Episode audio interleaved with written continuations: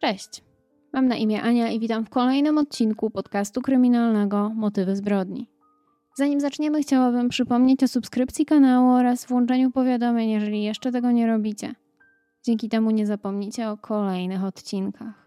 Zachęcam także do dołączenia do grupy facebookowej, gdzie dodaję zdjęcia i materiały do omawianych spraw oraz zachęcam Was do dyskusji i dzielenia się swoimi przemyśleniami, czy też sugestiami na temat kolejnych odcinków.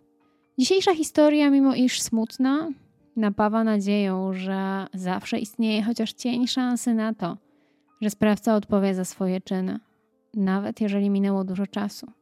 Tragiczne wydarzenia, jakie rozegrały się w 1994 roku, znalazły swoje rozwiązanie po 27 latach. Morderca odpowiedział za zbrodnię, której się dopuścił, mimo że wiele osób prawdopodobnie nie wierzyło już w żadną sprawiedliwość. Zapraszam na historię Zyty Michalskiej. Przeniesiemy się dzisiaj do miejscowości Mikuszewo. Jest to wieś w województwie wielkopolskim, położona niedaleko Wrześni. Miejscowość otoczona jest lasem, który jest idealnym miejscem na niedzielny spacer. Mikuszewo jest naprawdę małą miejscowością, bo ma zaledwie 300 mieszkańców. Jest początek kwietnia 1994 roku. Zbliżają się święta wielkanocne i większość ludzi w okolicznych domach właśnie szykuje się do tej uroczystości. Sprzątają swoje domy, przygotowują pyszne jedzenie. Wokół budzi się wiosna i aż chce się spędzać czas na dworze. W Mikuszewie mieszkają państwo Michalscy, którzy mają dwudziestoletnią córkę Zytę. Młoda kobieta od jakiegoś czasu mieszka z ciotką w Poznaniu. Niedawno skończyła liceum we wrześni, ale nie poszła na studia. Nie miała jeszcze pomysłu, co tak naprawdę chce w życiu robić, więc postanowiła w tym czasie pójść na kurs języka angielskiego. Zyta była osobą ze zdolnościami plastycznymi i nawet w ostatnim czasie zaczęła się zastanawiać, czy nie zapisać się do nowo otwartej prywatnej szkoły artystycznej. W kwietniu Zyta udała się do domu swoich rodziców do Mikuszewa, aby razem z nimi spędzić święta wielkanocne. 3 kwietnia 1994 roku nic nie zapowiadało, że życie rodziny Michalskich zmieni się tak diametralnie. To była niedziela wielkanocna.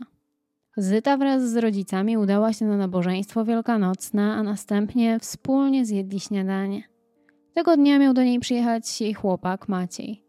Chłopak, z którym spotykała się córka państwa Michalskich, studiował na Politechnice Poznańskiej, a para spotykała się od kilku lat, więc rodzice dwudziestolatki go znali. Niestety, tego dnia chłopak trochę się spóźnił, więc młoda kobieta nie chciała siedzieć w domu i postanowiła wybrać się na krótki spacer do pobliskiego lasu. Kiedy mężczyzna dotarł do domu Michalskich, Zyty niestety już tam nie było, albo też jeszcze jej tam nie było. Z tego spaceru Zyta nigdy nie wróciła. Tego samego dnia rodzina i chłopak młodej kobiety rozpoczęli poszukiwania wśród jej znajomych. Nie powiadomili policji jeszcze w niedzielę. Następnego dnia rano rodzice byli już bardzo zmartwieni. Ojciec dwudziestolatki poszedł do lasu, aby szukać swojej córki. Zobaczył wtedy w tym lesie mężczyznę, który leżał w trawie. I na widok pana Michalskiego zaczął uciekać. Wydawało się to dość dziwne. Rodzina Zyty zgłosiła jej zaginięcie na policję i rozpoczęły się poszukiwania, w które zaangażowani byli nie tylko funkcjonariusze policji, ale też bliscy i sąsiedzi młodej mieszkanki Mikuszewa. Bardzo szybko poszukiwania przyniosły skutek. Matka Zyty, która brała udział w tych poszukiwaniach, szła leśną ścieżką i wpatrywała się w las, w nadziei, że znajdzie jakiś ślad. Wtedy piesek Zyty o imieniu Kruszyna zaczął grzebać w ściółce leśnej i skomleć. To był tragiczny moment. Zaledwie 800 metrów od domu, 300 metrów od asfaltowej drogi, tuż na skraju lasu, przy leśnej ścieżce, niedaleko ambony, leżała córka państwa Michalskich. Ciało dziewczyny było przykryte jej własną kurtką oraz wysuszonymi liśćmi. Leżała twarzą do dołu. Miała obrażenia głowy i twarzy. Na jej głowie były ślady uderzeń czymś twardym, takim jak na przykład kamień. Twarz także była w złym stanie. Dodatkowo wiele świadczyło o tym, że była to napaść na tle seksualnym, ponieważ spodnie młodej kobiety były zsunięte, a bluzka podciągnięta. Rodzice Zyty byli wstrząśnięci. Dlaczego ktoś miałby zrobić coś takiego? Ich córka nie miała przy sobie pieniędzy, nic cennego. To było dla nich nie do pomyślenia, że ktoś mógł skrzywdzić ją tak po prostu. Jedyne co zniknęło to była czapka. Wyobrażam sobie też, że musiał to być tragiczny poniedziałek wielkanocny dla wszystkich mieszkańców tej niewielkiej miejscowości. Jedna z mieszkanek Mikuszewa wspomina, że w trakcie mszy ksiądz przerwał nabożeństwo i przekazał tą przykrą wiadomość wszystkim obecnym. Większość mieszkańców Mikuszewa wiedziała, że zaginęła ich sąsiadka, ale dosłownie nikt nie był gotowy na to, co się wydarzyło. Kiedy odnaleziono ciało zaginionej kobiety, w pierwszej kolejności przesłuchiwano mieszkańców Mikuszewa – w oczekiwaniu na sekcję zwłok, która miała wyjaśnić trochę więcej. Niestety, nikt z mieszkańców nie zapamiętał nic podejrzanego. Podejrzewam, że w niedzielę wielkanocną wiele osób spędzało czas w domu z rodziną przy świątecznym stole i nie zwracali za bardzo uwagi na to, czy na zewnątrz coś się dzieje. Sekcja zwłok przyniosła nowe informacje. Śmierć Zyty nastąpiła wskutek udławienia piaskiem i liśćmi. Na jej szyi był ślad po pętli, a na ciele ślady, które mogły wskazywać, że sprawca próbował zmusić ją do stosunku. Sprawca najprawdopodobniej ciągnął ciało Zyty po polnej drodze, kiedy doszło do jej śmierci. Policja podejrzewa, że chciał zaciągnąć ją do ambony na skraju lasu. Rozpoczęły się poszukiwania osoby winnej tej tragicznej zbrodni. Policja zbadała też miejsce zbrodni i w miarę możliwości zabezpieczyła wszystkie ślady i dowody, które udało im się zebrać i które miały pomóc im jakoś tą sprawę rozwiązać. Niestety nie było tego zbyt dużo, a samo śledztwo też nie szło najlepiej. Nikt nic nie widział, nikt nic nie wie. Ślady też na niewiele się zdały.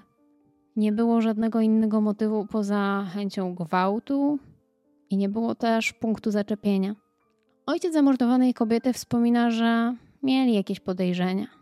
Zdarzyło się, że ktoś w miejscowej knajpie przy alkoholu wspominał, że wie, kto stoi za tą zbrodnią, ale osoba ta dość szybko zmarła. Pan Michalski wspominał też o mężczyźnie, którego widział tamtego ranka. Opis tego mężczyzny pasował do miejscowego niemowy, który zaczepiał czasem dziewczynę. Któregoś dnia nawet do domu Michalskich ktoś zadzwonił z taką informacją, że to właśnie ten mężczyzna jest winny.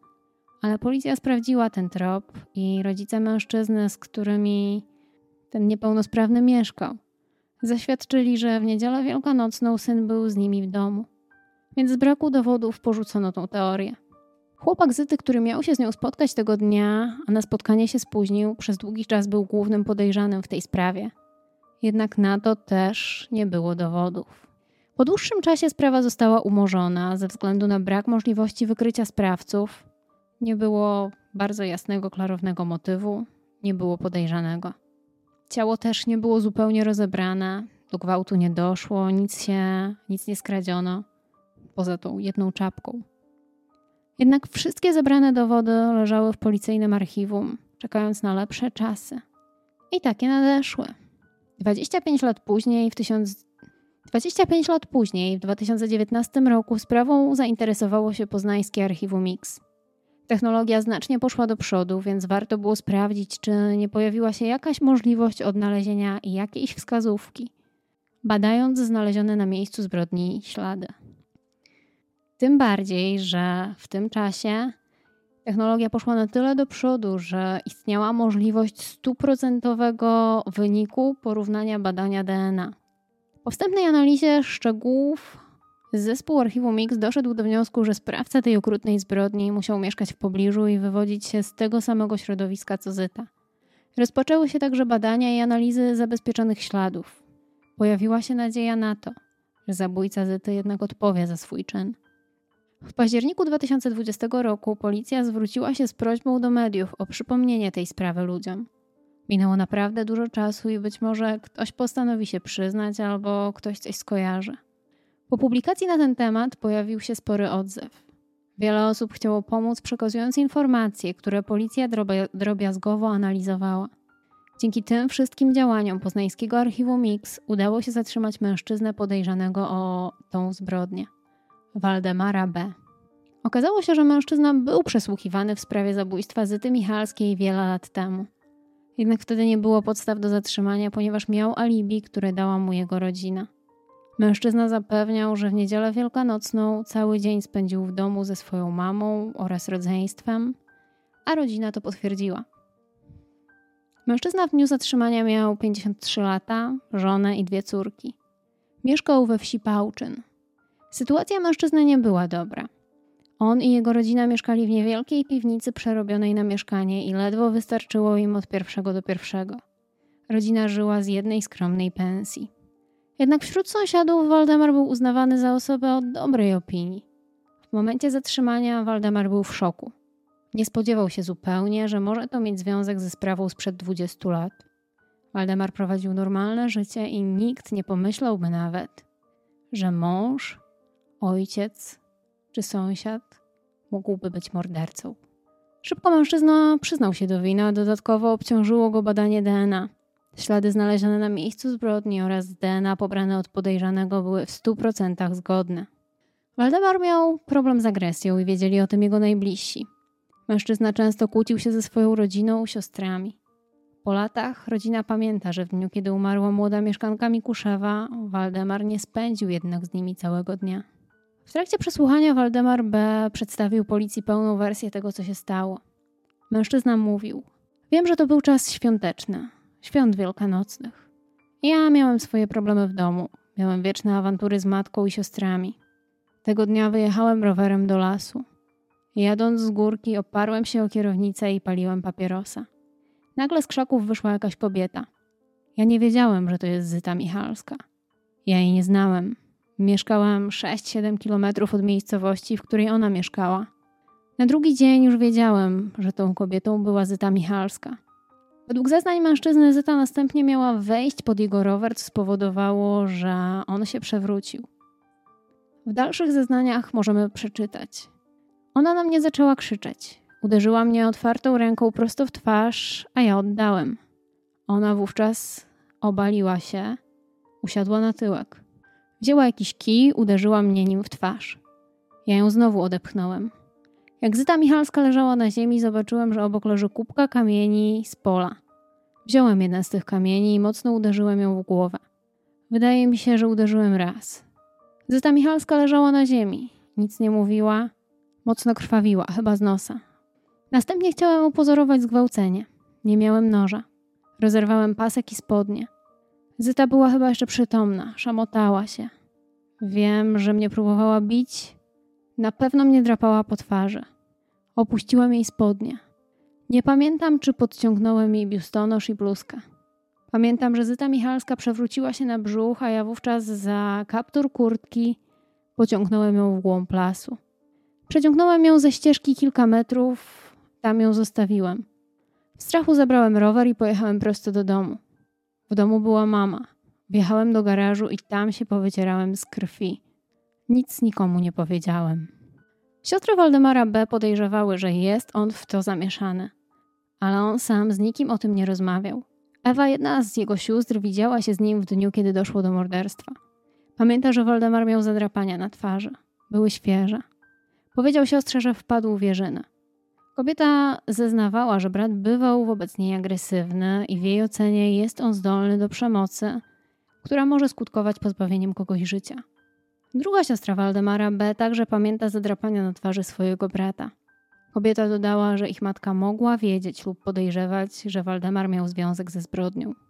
Warto dodać, że rodzina, z której wywodził się Waldemar B., była normalną rodziną, a plotki o tym, że mężczyzna miał być ofiarą przemocy domowej, według jego bliskich są bardzo krzywdzące.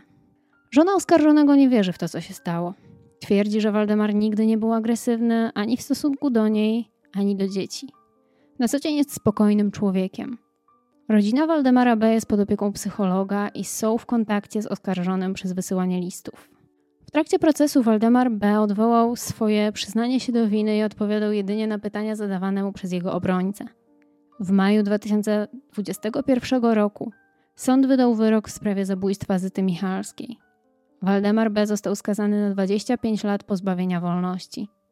Natomiast nie otrzymał wyroku za zarzucaną mu próbę gwałtu, ponieważ nie było na to wystarczających dowodów. Aresztowanie Waldemara B. po tak długim czasie było wielkim sukcesem polskiego archiwum Mix. Daje to nadzieję na to, że inne sprawy też kiedyś zostaną rozwiązane. Rodzice Zyty Michalskiej bardzo przeżywali to, co się stało. Ojciec kobiety wspomina, że dzisiaj często zwraca uwagę na jej znajomych, na to, co robią, czy jak potoczyło się ich życie. Wtedy też często zastanawia się, jak wyglądałoby życie jego córki. Czy miałaby dzieci i rodzinę? Jaki zawód by wybrała? Te tragiczne wydarzenia wywarły nieodwracalne piętno na rodzinie Michalskich. Kochani, to już wszystko w tej sprawie. Dziękuję bardzo za wysłuchanie materiału do końca.